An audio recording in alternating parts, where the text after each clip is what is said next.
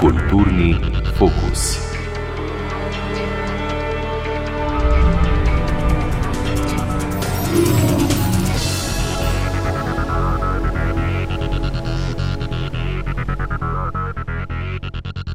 Dober večer, želimo daj kulturni fokus, mojca Kranc in doktorica Špela Verant, v kateri se bomo potopili, se bomo potopili v temno snov, ki izhaja iz predstav o idealni družbi, v kateri bi bili vsi srečni, enaki, enakopravni, vendar pride do obrata.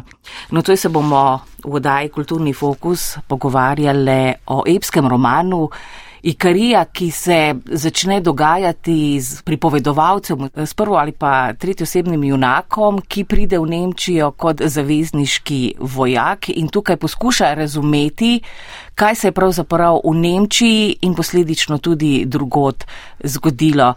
Pa morda nekaj o tem, kako so v roman vključeni, kot pravi avtor, različni glasovi, dokumenti, članki, intervjuji, na katerih bazira pravzaprav to besedilo. Avtor romana Uwe Tim se je s to tematiko ukvarjal vsaj 40 letja. Predtem se je ukvarjal tudi z problemom genocida v nemških kolonijah v začetku stoletja, potem pa seveda s holokaustom, potem je študiral filozofijo, se ukvarjal tudi s političnimi gibanji, študentskimi revoltami. Vse to se v tem zrelem romanu, ki je nastal, ki je bil avtor že skoraj 80 let, steka v eno tkivo.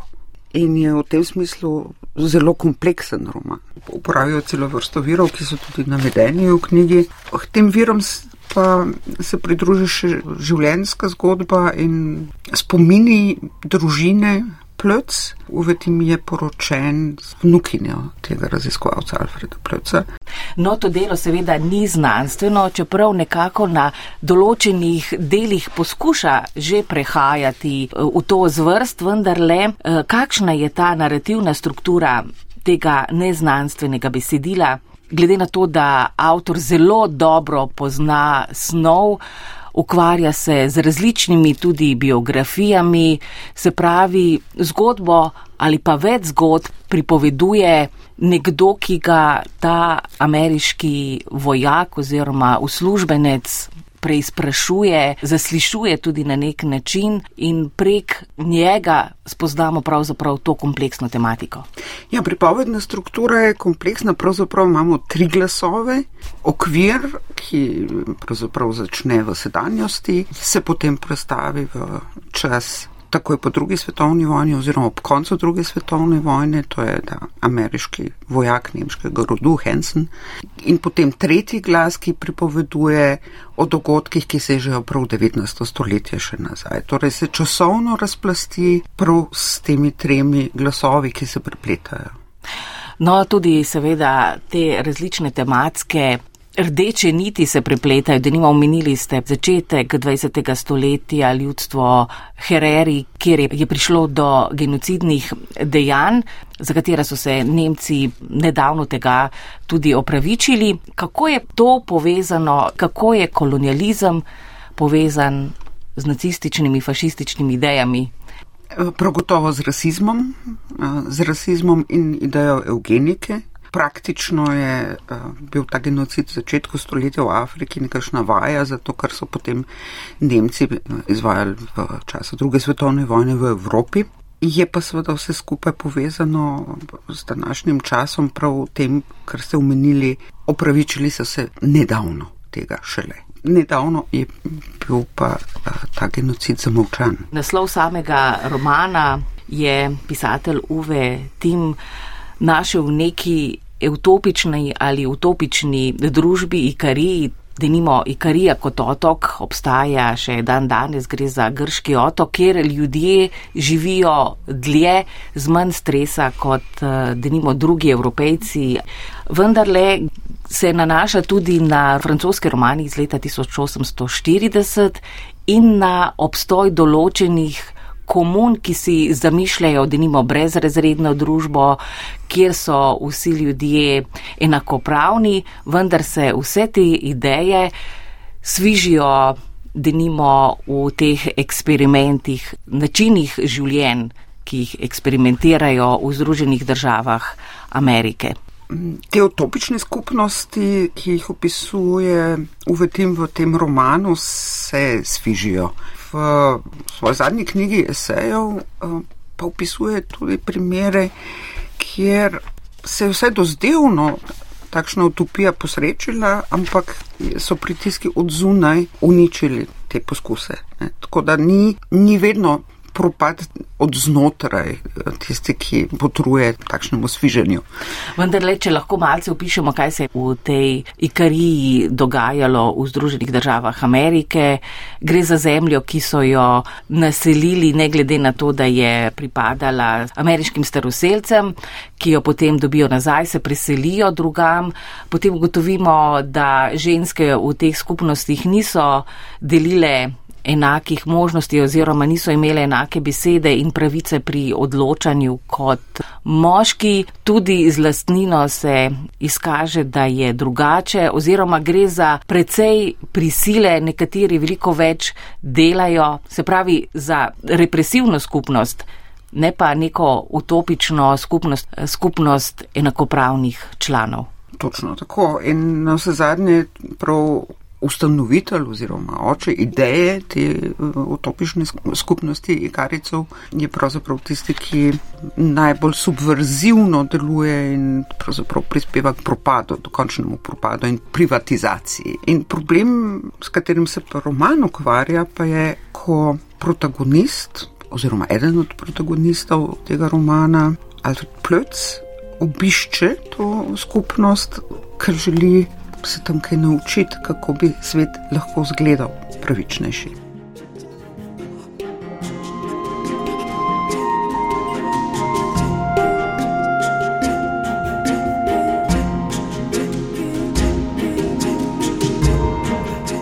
Ja, povedal sem že, da ženske v ikarijski skupnosti niso imele pravice do glasovanja. Smele so govoriti, če so bile vprašane, potem pa pri glasovanju jim ni bilo dovoljeno dvigniti roke. Plec je na prvem zborovanju, ko je predsedujoči stari Rene začel pogovor o razporeditvi dela, vprašal, ali sme kot gost kaj predlagati. Odgovor je bil ja. Na to je prijatelj predlagal, da bi ženske morale imeti pravico do glasovanja. Tako je vsaj on razumel Kaveja. Zavladal je presenečen mok. Vsem je postalo jasno, da bi se večinska razmerja s tem spremenila. Rene je naposled odgovoril, da pri KB-ju nikakor ni določeno tako. Ženske smejo glasovati o sprejemu novih članov, ne pa o tekočih vprašanjih. A bo predlog rade volje uvrstil na dnevni red letnega zborovanja čez dva meseca. Prijatelj je takoj ugovarjal. Kar so obravnavali, načrt za razširitev skupne pralnice je vendar zadeva žensk. One imajo potrebna znanja in izkušnje. Natančno vzeto je ljubeznivost žensk, če moškim dopustijo glasovanje o tej zadevi. Zaslišalo se je godrnjanje, drsanje po tleh, nekdo je rekel: bom, bom. Predsednik, stari René Marchand, v juristični kazuistiki na Sorboni izvežbani mož, je rekel, da to vendar še ni razlog, da bi ženskam pustili odločati o tem, kar počnejo. Potem bi morali tudi otrokom pustiti glasovati o tem, kaj se hočejo igrati. Zborovalci so se zasmejali ženske so mu zaploskale, drugi so znova godrnjali. Zakaj ne, je rekel plec, zakaj otroci ne bi mogli odločati o tem, kaj bi se radi igrali? Izžareval je duha oporekanja in ta se je prenesel na nekaj žensk, ki so nenadoma začele pozorno, še več napeto pogledovati najprej njega in potem spet starega Reneja. Tiho sem pa tjajanje glav. Zakaj ne bi naredili nečesa, kar so doslej šteli za nemogoče? Je vprašal prijatelj in dodal, ali ni vredno premisleka, da bi ženskam dovolili kar tukaj in zdaj glasovati o nabavi strojev in trajanju dela v sirarni, saj so vendar one tiste, ki se najbolj natančno spoznajo na količino in kvaliteto sirarjenja. Zaradi dolžine tega tako konciljantno formuliranega vprašanja se je vprašanje nekoliko izgubil in šele čez hip je šepet, kakor sunek vetra vzvalovil vrste zborovalcev.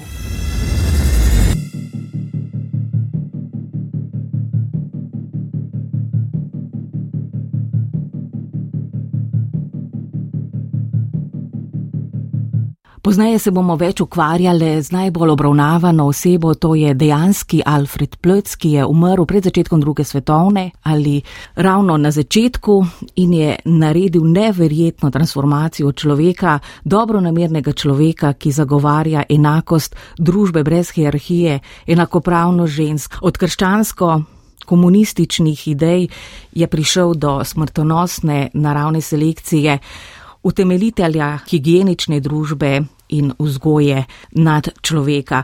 No, zanimivo je, da avtor ne razpravlja veliko, ampak so prav protagonisti. Pričevalci in razlagalci, se pravi, sami liki nosijo tudi vso vsebino, vso filozofijo tega romana, če lahko tako rečem. Ja, dopolnjujejo se pravzaprav do neke mere preko teh različnih glasov, različnih perspektiv nam roman sicer ne daje odgovora, nam pa pomaga pri razmišljanju o teh problematikah. Torej, v romanu smo priča izmenjavi različnih časovnih okvirjev, se pravi, skozi sedanjost razmišljamo o preteklosti lahko, prehajamo pa tudi skozi različne jezikovne plasti in podobe. Denimo v romanu angleščina ostaja v svojem izvirniku. Zakaj? Tukaj gre za dvojezičnega človeka oziroma oba jezika, nemščina in angleščina, se izmenjujeta skozi roman. Seveda je v izvirniku pravzaprav je več nemščine, ampak um, v slovenščini torej pa je prevedena nemščina, ostaja pa angleščina. Zakaj? Zato, da roman ohranja avtentičnost in da so liki v tem romanu bolj prepričljivi. V tem romanu uh, so nekako prisotni trije različni glasovi in ti trije glasovi se odražajo tudi v tem, kako ne rečem, na jezikovni ravni, na, na ravni sintakse, leksike, vsega pač, kar jezik sestavlja. In res, da je tukaj nekaj angliških stavkov, usklikov, delčkov stavkov in tako naprej, ohranjenih v, tudi v prevodu v slovenščino. Uh, moram takoj povedati, da je tega res zelo, zelo, zelo malo in da je to angliščina, ki mislim, da ne, bi, ne bo delala problemov nobenemu slovenskemu bravcu. Ne samo zato, ker so pač angliški izrazi, stavki uporabljeni v takem kontekstu, da že iz konteksta bi se razumelo, ampak je to razmeroma preprosta angliščina, ki vsak osnovno šolec bi jo razumel odločitev, da tega ne prevedem v opombi, je bila naslonjena na spoznanje, da je ta angliščina, ti drobci angliščine, ki so a, v romanu, da nastopajo samo v dveh a, teh glasovih, recimo, in to je, to je ta tako imenovani pripovedni del ki včasih se spusti v tako imenovani doživljeni govor našega glavnega junaka, to je omenjeni že ameriški vojak nemških korenin, ki pride v Nemčijo takoj po vojni. In izglede na to, da, je, da so te nemške korenine pravzaprav nedavne, da je on bil star približno 10-11 let, ko so se iz Nemčije preselili v Ameriko zaradi očetove službe, in da so doma govorili nemško, šolal se pa v angleščini, da je on pravzaprav bilingvalc, kar pomeni ne samo, da zna oba jezika, da lahko prevaja, ampak da tudi misli, v, kdaj v nemščini, kdaj v angleščini. In um, ta pristop oziroma ta prijem pisateljev, da so ti drobci angleščine noter, pač sugerirajo to, na kakšen način ta naš glavni onak misli. Drug glas, v katerem se pa tudi angliščina pojavlja, so pa dnevni, kratki dnevniški zapiski tega vojaka, ki, ki včasih uh, je tega več, včasih manj, uh, vsekakor pa je, je angliščina omejena samo na ti dva glasova. Tretji glas je, je pa v bistvu transkript pogovora, ki ga imata ta vojak in sopotnik uh, plecev, uh, gospod Wagner čigar ime priimek je pravzaprav tudi že sugerirala nekaj sam po sebi. Čeprav ta roman skriva tudi neke filozofske premisleke, kot je bilo rečeno, pa vendarle ta pripovedovalec razmišlja in postavlja dileme ali pa razlaga čas na zelo preprost način, ki je dojemljiv vsakemu bravcu, ne glede na to, koliko informacij ima o zgodovinskih dejstvih. Se pravi, približa se različni strukturi bravcev. Ja, gotovo. Um, tukaj seveda moram takoj um, reči, da, da tukaj gre za dve različni, dva različna načina preprostosti. Eden je ta, ki ga jaz recimo zmeri občudujem in to je, da nekdo, ki je res doma v določeni snovi, podatkih, skratka snovi, kam več stvari premišljene, se zelo sovereno giblje na, na tem svojem, recimo, področju in ne da bi poenostavljal stvari, zna razložiti, povedati, podati to tako, da ga, ne, da ga ne sam razumem, ampak ga tudi z zelo velikim zanimanjem poslušam. Druge vrste preprostost je pa mogoče razvidna v tem, da je a, pisatelj v teh treh glasovih, ki sem jih prej omenila, se pravi pripovedni del, zapiski, dnevniški, pa transkript pogovora s tem gospodom Wagnerjem, seveda za recimo ločitev teh treh glasov uporabo tudi jezikovna sredstva. In dnevniški zapiski so seveda zelo kratki, včasih celo brez, brez glagola. V bistvu je to nekaj, kar ni mišljeno, da bi kdo drug bral. Tako je, to je smisel dnevnika. Razen kakšnih samovšečnih pač ljudi, ki pišejo dnevnik z, za namci, ga bojo brala. Ne? No in tako je pisal ta Hansen. V bistvu si zapisoval zato, da si jih zapomnil. Pol je ta pripovedni del, ki je tako srednje, enostaven. No? Pa pride pa zato, da bi bila razlika večja in zaradi tega imamo mi najbrž občutek, da je pripovedni del preprost, pa ni, to vam lahko povem iz prve roke. je pa transkript tega pogovora. In moram povedati, seveda, ni to zdaj noben spoiler, no, če povem, da je večina tega transkripta v bistvu govor tega Wagnerja. In ker je on, seveda, zelo, zelo razmišljujoč človek, hkrati globoko etičen in seveda njegov mož, njegovi možgani delajo tako na tako kompleksen paro. način, je seveda se to odraža tudi v tem, kako on govori. Obenem je pa pisatelj hotel nakazati nam, bravcem, da to, čeprav je to zdaj natipkan, vendarle je to transkript govora. Kjer pa, kot že kaj mene slište, slište, da jaz uporabljam pohen umestnih stavkov, pohen odvisnikov, velikrat cele misli um, Wagner vtakne notor v, v en stav, ki ga potem nadaljuje na naslednji strani. In nemščina seveda ima možnost, da, da take kompleksne stavke dela zelo velike in v slovenščino je bilo to treba spraviti v čim bolj avtentični obliki in tukaj slovenščina to še kar nudino. Mogoče ne tako zlahka, kot nemščina, ampak vendarle se da to poenostavljati, sekati v kratke stavke, to bi bilo zelo narobe v smislu, da bi izgubili tisto sporočilo, ki ga avtor sporočilo sporoča a, s temi sredstvi, ki niso verbalna, ampak so strukturna. Tako da kompleksnost jezika v teh transkriptih mogoče daje napačen vtis, da je pripovedni del simpel. Predvsem je jezik izčiščen. Slogovno izbrušen, kar mu daje celotnemu besedilu lahkotnost. Je pa kompleksen in tematika je težka. Torej, Alfred Plec, nekdani prijatelj, govori o njem, je zaslovel kot reinterpretator samega sebe, študiral je ekonomijo in medicino in seveda je upošteval nekatera tedanja dognanja, zakone, ki so vladali po svetu holokaust poznamo tudi iz Združenih držav Amerike, prej pa recimo Švedska v zakoni sterilizacijo. Potekali so postopki in eksperimenti, eutanazija duševno bolnih in rasno različnih, ki seveda ne morejo predstavljati človeškega ideala družbe po eh, njihovo. Se pravi, imajo neke določene pomankljivosti. In eh, njegove ideje pa se sklenjajo ugotovitvi, da je treba spremeniti biologijo, recimo, ali naroda, ali ljudi, da se je treba odrešiti ljudi, ki torej ne držijo koraka z ostalo družbo, se pravi,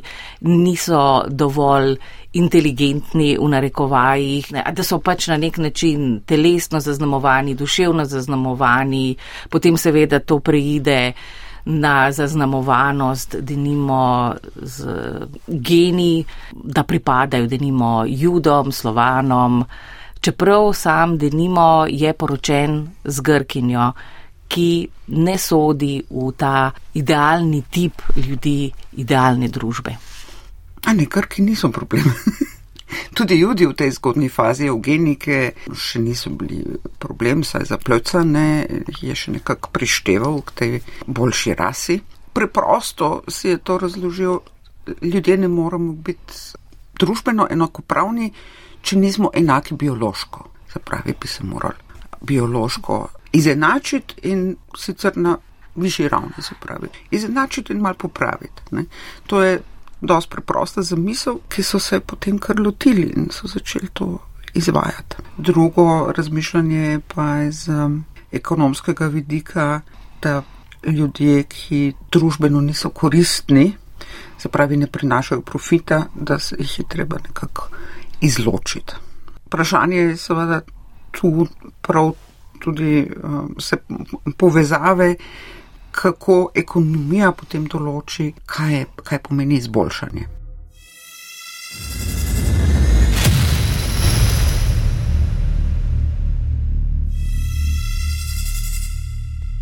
V tistem trenutku je prijatelj rekel: Tukaj misel na milostno smrt ne bi bila povsem nesprejemljiva, tudi v interesu pacijenta ne. Pacijent bi bil odrešen, pa skupnost tudi. Za teh 20 pacijentov potrebujemo 8 strežnikov. Ampak pred mislijo na eutanazijo je krščanstvo zgradilo barikado, s tem, ko človeško življenje per se razume kot življenje in ne vpraša, ali je to življenje, ki je sposobno samo sebe zaznati kot življenje.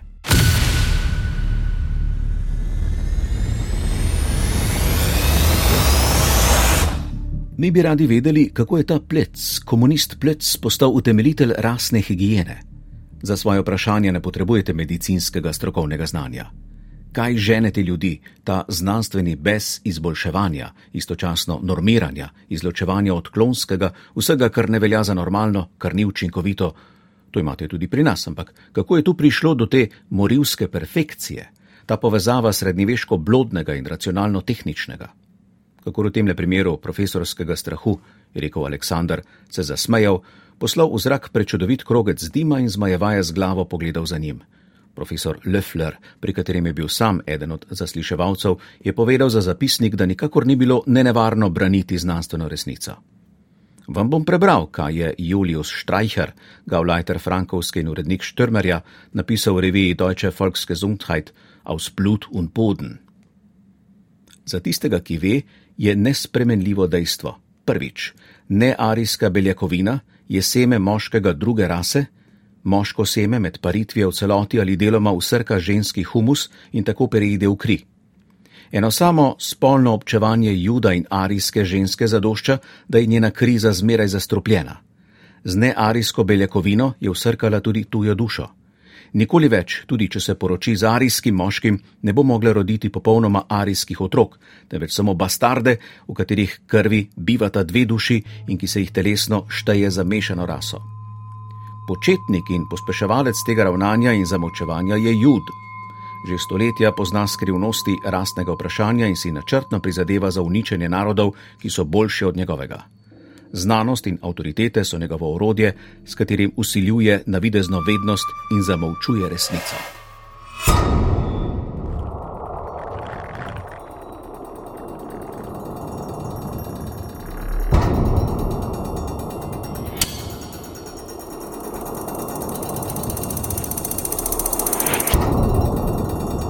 No, Alfred Plec je najprej zelo naklonjen judom. No, sprva meni, da so judi precej prilagodljivi. Na nek način si misli, da bodo judi pripomogli k boljši sliki ali recimo nemškega naroda. Kaj se pravzaprav zgodi s človekom, ki tako na tak način reinterpretira sebe in svoje zamisli? Že naslov romana seveda sugerira asociacijo z Ikarjem, bil prevzeten in ta nek, neka prevzetnost, ki tiči v ideji eugenike, da lahko človek popravlja človeka, da ljudje, kakršni smo, nismo dovolj dobri za svet prihodnosti, utopičen svet, kakršen koli že pravičen svet. V tem je hibris, je prevzetnost, ki vodi v padec in padec plecev seveda je na vse zadnje ta vseh svojih znanstvenih projektov. Bil je tudi kandidat za Nobelovo nagrado, torej ta strokovnjak za eugeniko in utemeljitelj rastne higijene, vendar le njegova, recimo, osebnost, kakšen je bil, o čem je prej razmišljal, kako je deloval v družbi, vse to ni kazalo na to, da bo postal utemeljitelj, da nimo eugenike. Ja, za njega je bila eugenika rešitev. On je iskal in je zašel pač na to pot, ki je peljala v holokaust, ne pa v boljšo družbo. Kako se to lahko zgodi, takšna napaka v, v razmišljanju, ne? pa opisuje ta roman.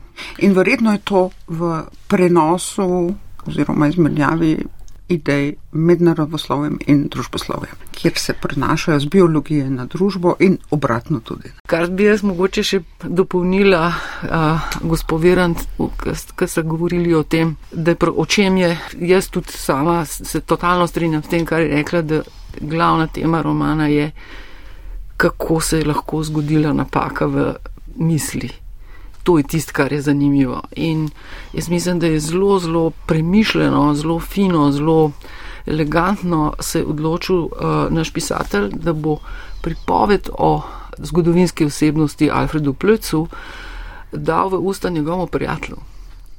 Njegovemu, njegovemu prijatelju, njegov, človeku, ki je nekaj ne bistvenih let mlajši od njega, ampak vendarle mlajši, ga kot mlajši, ki si star 18, so 3-4 leta velik, ne.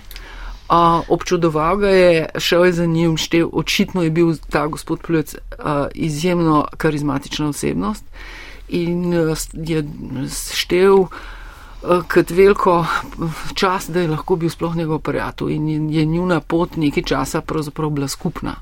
In kljub temu, da je ta Wagner, ki seveda spominja na famula Faustov, uh, um, njegovo že ime, ne? ali kot je nekje v romanu rečeno, zmeri je vtis, če nekomu ime Wagner, ne? Do, dobro vtis naredi. da on, kljub temu, da sta se na določeni točki, uh, so se njune poti uh, pač razšle, vsak na svojo smer, je raven. Ta Wagner ravno to poskušal namreč razumeti, kaj se je zgodilo s tem njegovim prijateljem, kako je možno, da, da je prišlo do te spremembe. In kljub temu, da seveda ni, um, ni mogel podpirati tega, kar je delal gospod Plec, ki mi grede ni nikoli se ukvarjal z praktično eugeniko, ubijanjem in tako naprej. On tudi moramo povedati, da je on umrl leta 1940 in mogoče niti ni vedel, kaj se je zgodilo s tem. On je nikoli ni ničesar hotel upravičevati. Tukaj je šlo za to, da se je uporabilo, kakor se je uporabilo njegova raziskovalna dognanja. Ne? V tem smislu moramo biti točni. Um, hoče reči, da ta Wagner poskuša razumeti, kar je delal njegov prijatelj, če pa stopimo korak nazaj, pa ugotovimo, seveda, da ta roman o tej zgodovinski osebnosti a ne, ne naredi dveh napak, ki bi jih lahko naredil. In to je, da bi ga popolnoma demoniziral, ali pa da bi ga poskušal, kako ne rečem, rehabilitirati. Ne, raven zaradi te čustvene, tega čustvenega elementa, ki ga, a, zaradi tega, ker sta bila z Wagnerjem prijatelja, imamo možnost, da to gledamo pač v celi eni panorami vsega, in razumevanja, in čudenja, in zgroženosti, in kar ta kompleksnost čustev, seveda prijateljskih ali pa razočaranih prijateljskih čustev prenese. No, pravzaprav spremljamo nek proces, mislim. Tako, to je. In zato je pač ta roman dragocen, da ni to zdaj nekaj, kar že po treh straneh na začetku veš, kako se bo naprej razvijalo.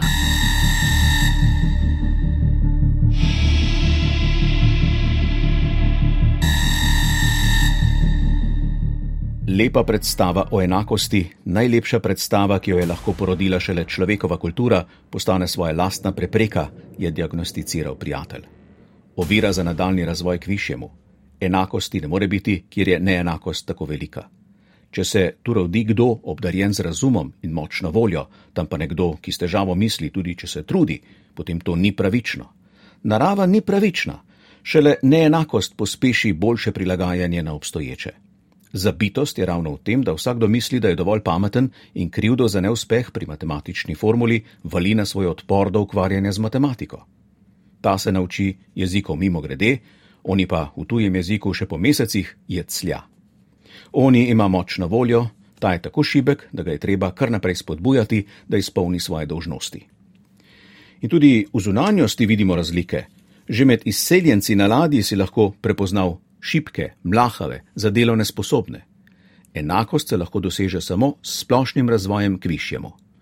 To jedro, ki tiči v Kabejevi teoriji, moramo izluščiti, ga postaviti v središče, v zreja močnega, zdravega, predvsem tudi lepega rodu, ki samega sebe dojema kot močnega in lepega. Potrebna je biološka revolucija, ki naj dopolni socialno.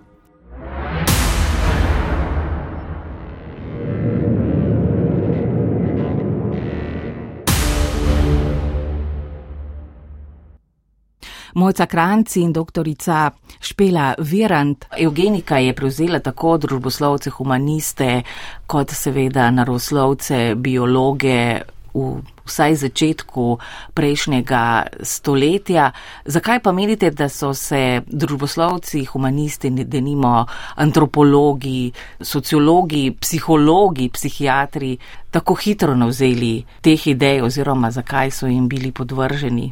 Zakaj ta potreba po regulaciji, kakšne razmere morajo vladati v neki družbi, da pride do te stroge racionalnosti razmišljanja, tega matematičnega razmišljanja o strogo urejeni družbi, ki je simetrična, ki ne dopušča recimo odprtosti navzven svetlobe, recimo spontanega življenja. Najbrž gre za posledice prve svetovne vojne, za hitro ureditev recimo razmer Ni, ni, te ideje so že iz 19. stoletja, oziroma mogoče že odprej, ne? ampak prav gotovo v 19. stoletju se to začne razvijati. Tudi zgodovina rasizma je močno povezana s kolonializmom, gre za to, da evropejci, evropejci dokažejo superiornost bele rase in s tem upravičijo, da tudi izvajajo genocide. Ne? Skratka, to je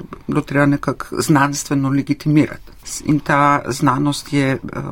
Služila tej ideji prav kot dekla. In, znano je tudi, da v Nemčiji je nastalo v času nacizma kar precej doktorskih dizertacij, ki so dokazovali, znanstveno dokazovali pač superiornost arijske rase, ko da je tle izpolnjevala znanost določene funkcije v politični in vojaški ureditvi sveta recimo pojavljale so se tudi različne združbe, združenja, tajna društva, ki naj bi hkrati propagirale mir, svetovni mir, eh, medtem ko so urejale ta rajski vrt. Tajna združenja, delno prepovedana, so najprej pacifistična, komunistična, ki se borijo za družbeno enakopravnost. Nekoliko kasneje nastanejo potrajna eh, tajna združenja, ki so izrazito nacionalistično in rasistično usmerjena,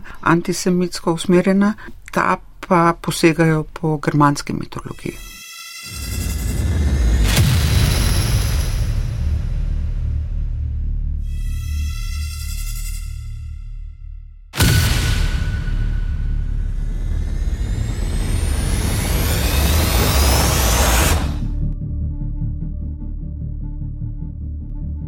Njegovega pogleda ni pritegnil posameznik, temveč zmeraj takoj velika mera, celota, človeštvo.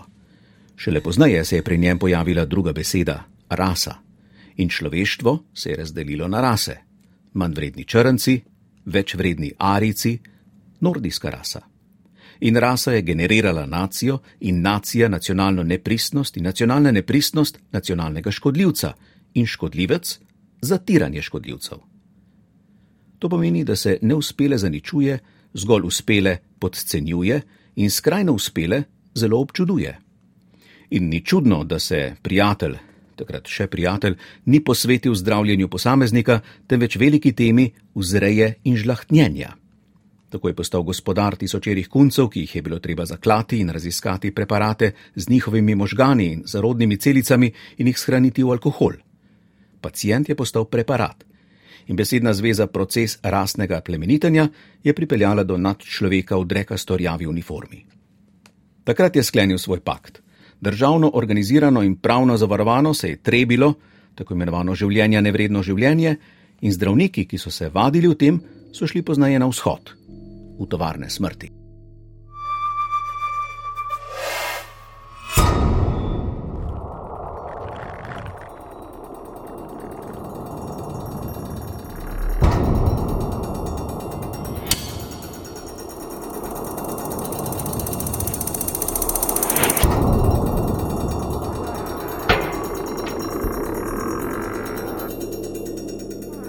Torej, že vso oddajo poslušamo interpretacije odlomkov iz knjige, ki jih bere Matej Rus, doktorica Špela Verant in Mojca Krant.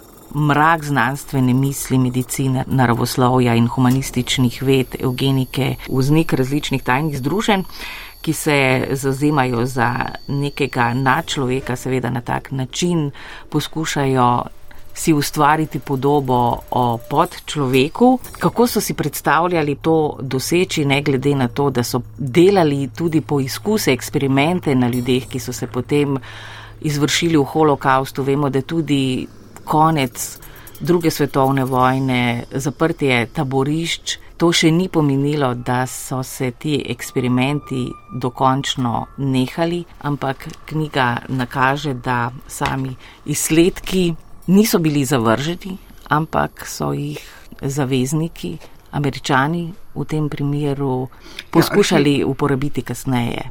Koliko so jih pravzaprav ne vemo. Ja, arhive so, so zaplenili, američani odpeljali določene te izsledke, tudi s pridom uporabili za vse to, kar nam danes nudi ugodje. Kako roman pojasnjuje to banalno zla, kot ga je opisala Hanna Arendt? Kako običajni ali celo dobro izobraženi, prijazni, dobro namerni ljudje posem zablodijo in se znajdejo med storilci ali pa so, kot eh, sami potem pojasnjujejo, ideološko zavedeni in eh, prej seveda navdušeni in zapriseženi določeni ideji, ki le navidezno opisuje ali pa tlakuje poti do idealov človeštva. Eichmann, kako ga opisuje Hanna Arendt, je neizobražen. Sama nekje zapiše, da verjetno nikoli ni prebral kakšne zahtevnejše knjige in da bi jo še razumel. Alfred Plötz pa je zelo izobražen. Študiral medicino, ekonomijo, se pravi, to ni človek, ki je in nadpoprečno inteligenten in nadpoprečno izobražen, pa vendar se mu zgodi. Kar se tiče refleksije in kritičnosti, bi rekla, da je to stvar uh, informacije. Kako lahko ti uh, se opredeliš ali pa razmišljaš o kakšni stvari, je odvisno od tega, ali si, si dobil dovolj informacij, ali si dobil informacij z vseh strani. In uh, mislim, da je glavna stvar namreč, da da si ne dovolimo, da bi to bilo razmislek o tem že upravljen, ampak da se zmeri znova je treba spraševati o teh zadevah. Se korigirati. Se korigirati zlasti pa na tistih mestih, kjer lahko kaj naredimo. Ne? Tudi seveda o teh velikih stvarih, ki jih omenjate, v tem romanu ni povedano vse, ampak se fokus je res v tem, kako je možno, da v ta hibris nekdo pade in v te vrste hibris. Sploh ni treba, da gre za tako velike usodne stvari, kot je holokaust, eugenika, rasna higiena in tako naprej. Sploh ni treba, da gre za tako velike stvari s tako daljnosežnimi posledicami. Gre za kako se v strukturi mišljenja lahko nekaj spremeni, pa gre lahko na, za en precej, da gre za na nivoju, ki je pravzaprav manj globalen, manj usoden, ampak je vse en lahko se zgodi, pa ima potem neprijetne posledice. No, roman se začne dogajati proti koncu druge svetovne vojne in se nadaljuje po njej, predvsem s temi intervjuji, če lahko tako rečem. Nekaj vidimo tudi te, recimo, panorame vzdušja v Nemčiji po drugi svetovni vojni, vso to totalno, recimo, propadlost, uničenost, recimo, in uh, mislim, da na začetku romana pripovedovalec ugotavlja, se mi zdi, da se na nek način vsi počutijo žrtve, tisti, ki so bili žrtvi in ki so bili storilci. Prav, da notranje so bili zmeri proti, ampak od zuni so bili pa prisiljeni. Tako da on tam, ki sprašuje, ki mora delati intervjuje, ta njegov glavni unak ali pa recimo temu. Uh, fokalizator te, uh, tega romana, omenjeni Michael Hansen, on ima enega prijatelja zdravnika, ki pa mora delati intervjuje z s temi zdravniki, ki so pa dejansko delali poskuse v nasprotju s plojcem.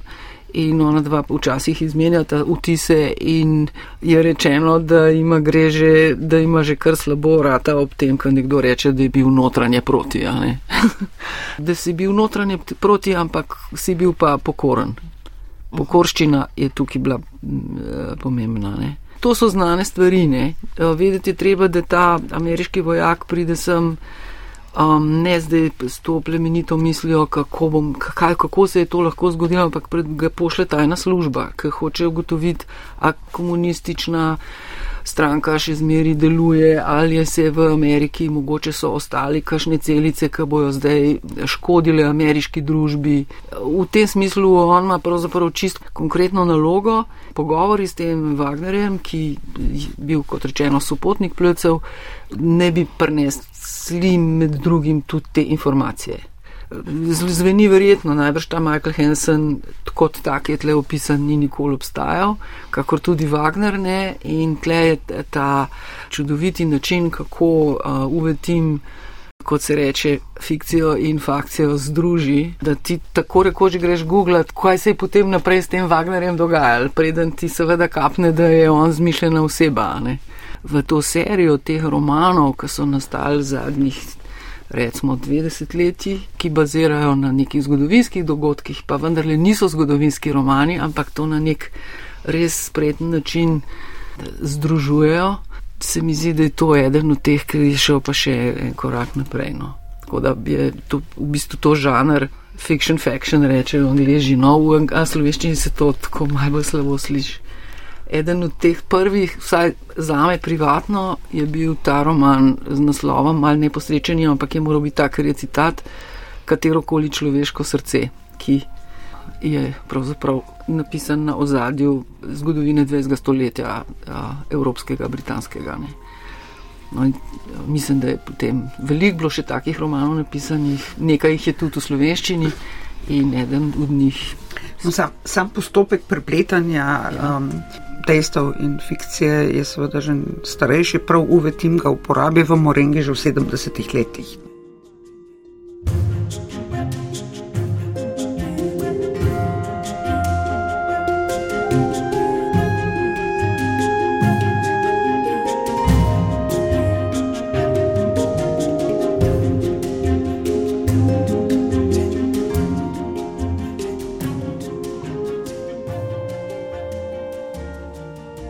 Na cesti kolone nemških ujetnikov, ki korakajo v taborišče na severu.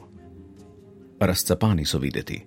Težko si je predstavljati, da je ta siva množica nekoč hotela zavladati Evropi.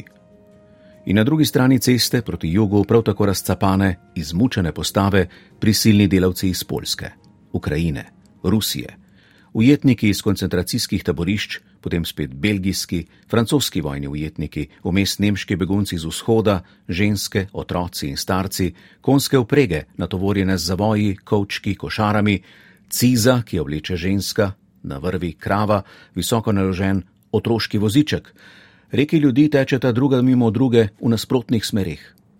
Trpinčeni se ne maščujejo, ne grozijo s pestjo, nobenih usklikov, ničesar, dolga, molčeča kolona pršeči dež. Tudi ta sivina prispeva svoje. Sicer pa se govori, da stran od cest prihaja do plenjenja, posilstev, tudi umorov nemškega prebivalstva. Kmetom koljajo živino.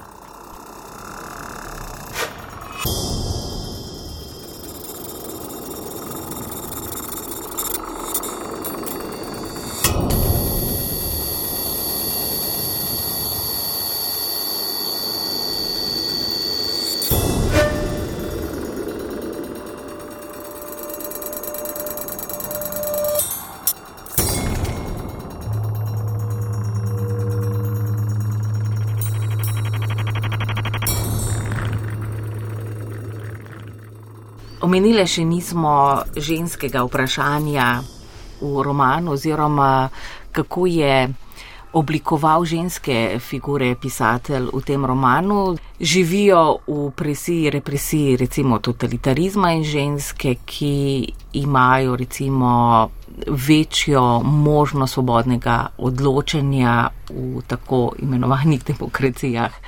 Ženski liki v tem romanu, ki sicer niso v spredju, vendar le. Tle je generacijska razlika. Um, bogata je žena, druga žena Alfreda Plöca, nima pa ona ekonomske moči, ona je samo posrednik. Tle bogatstvo uh, se delu, deduje pač tako, kot je v patriarhalnih družbah.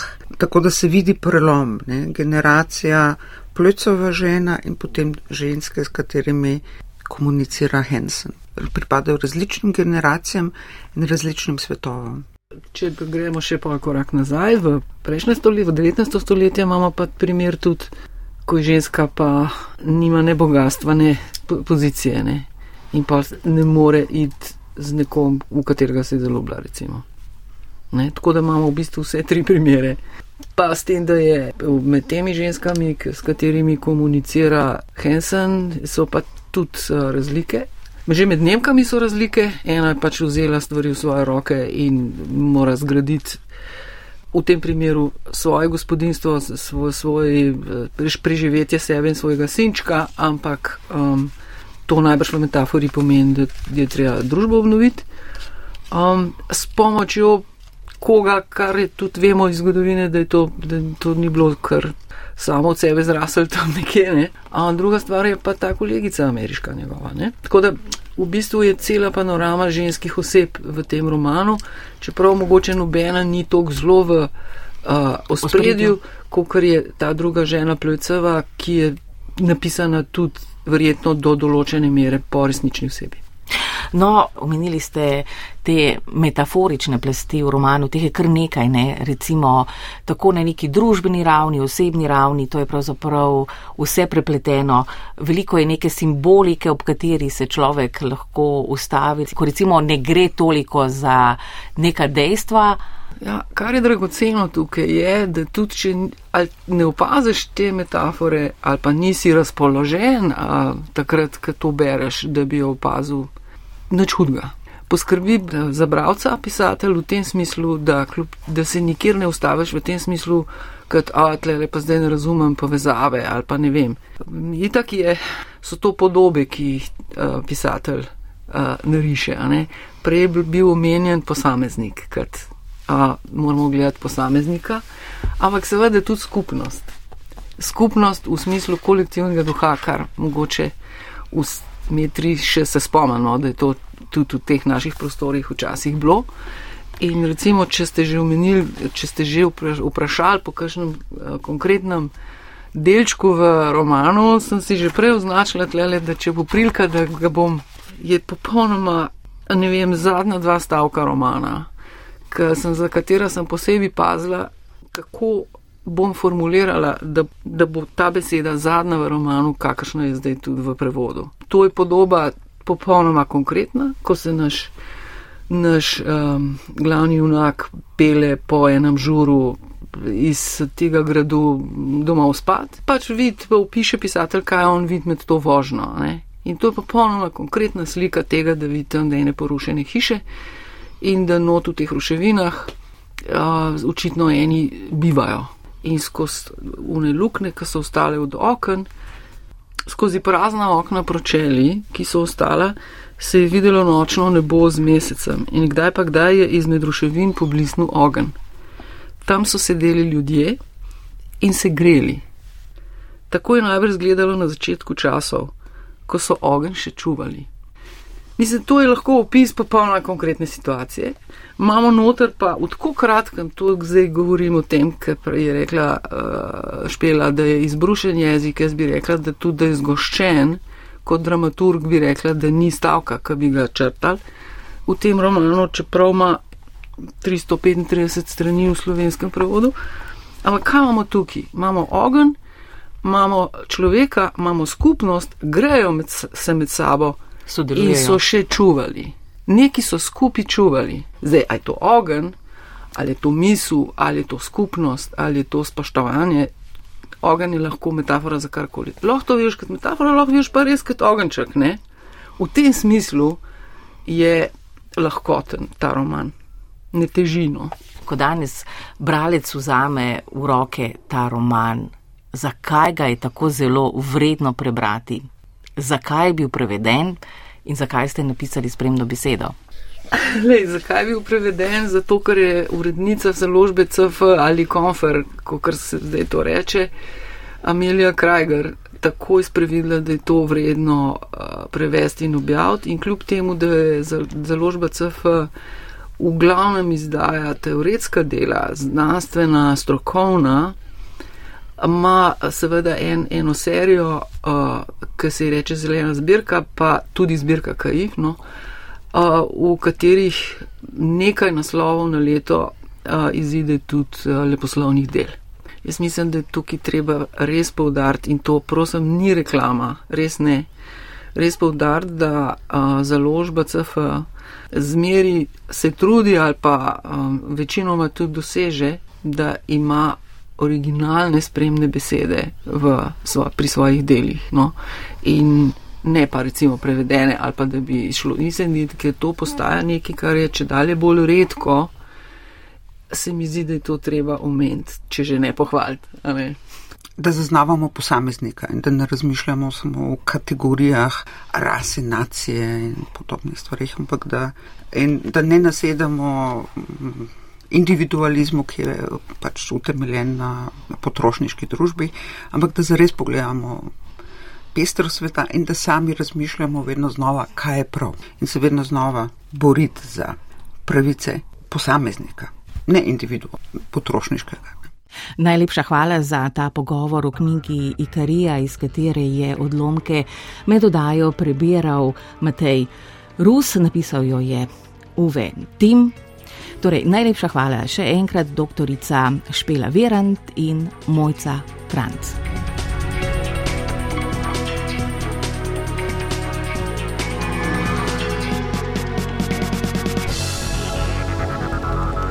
Kulturni fokus.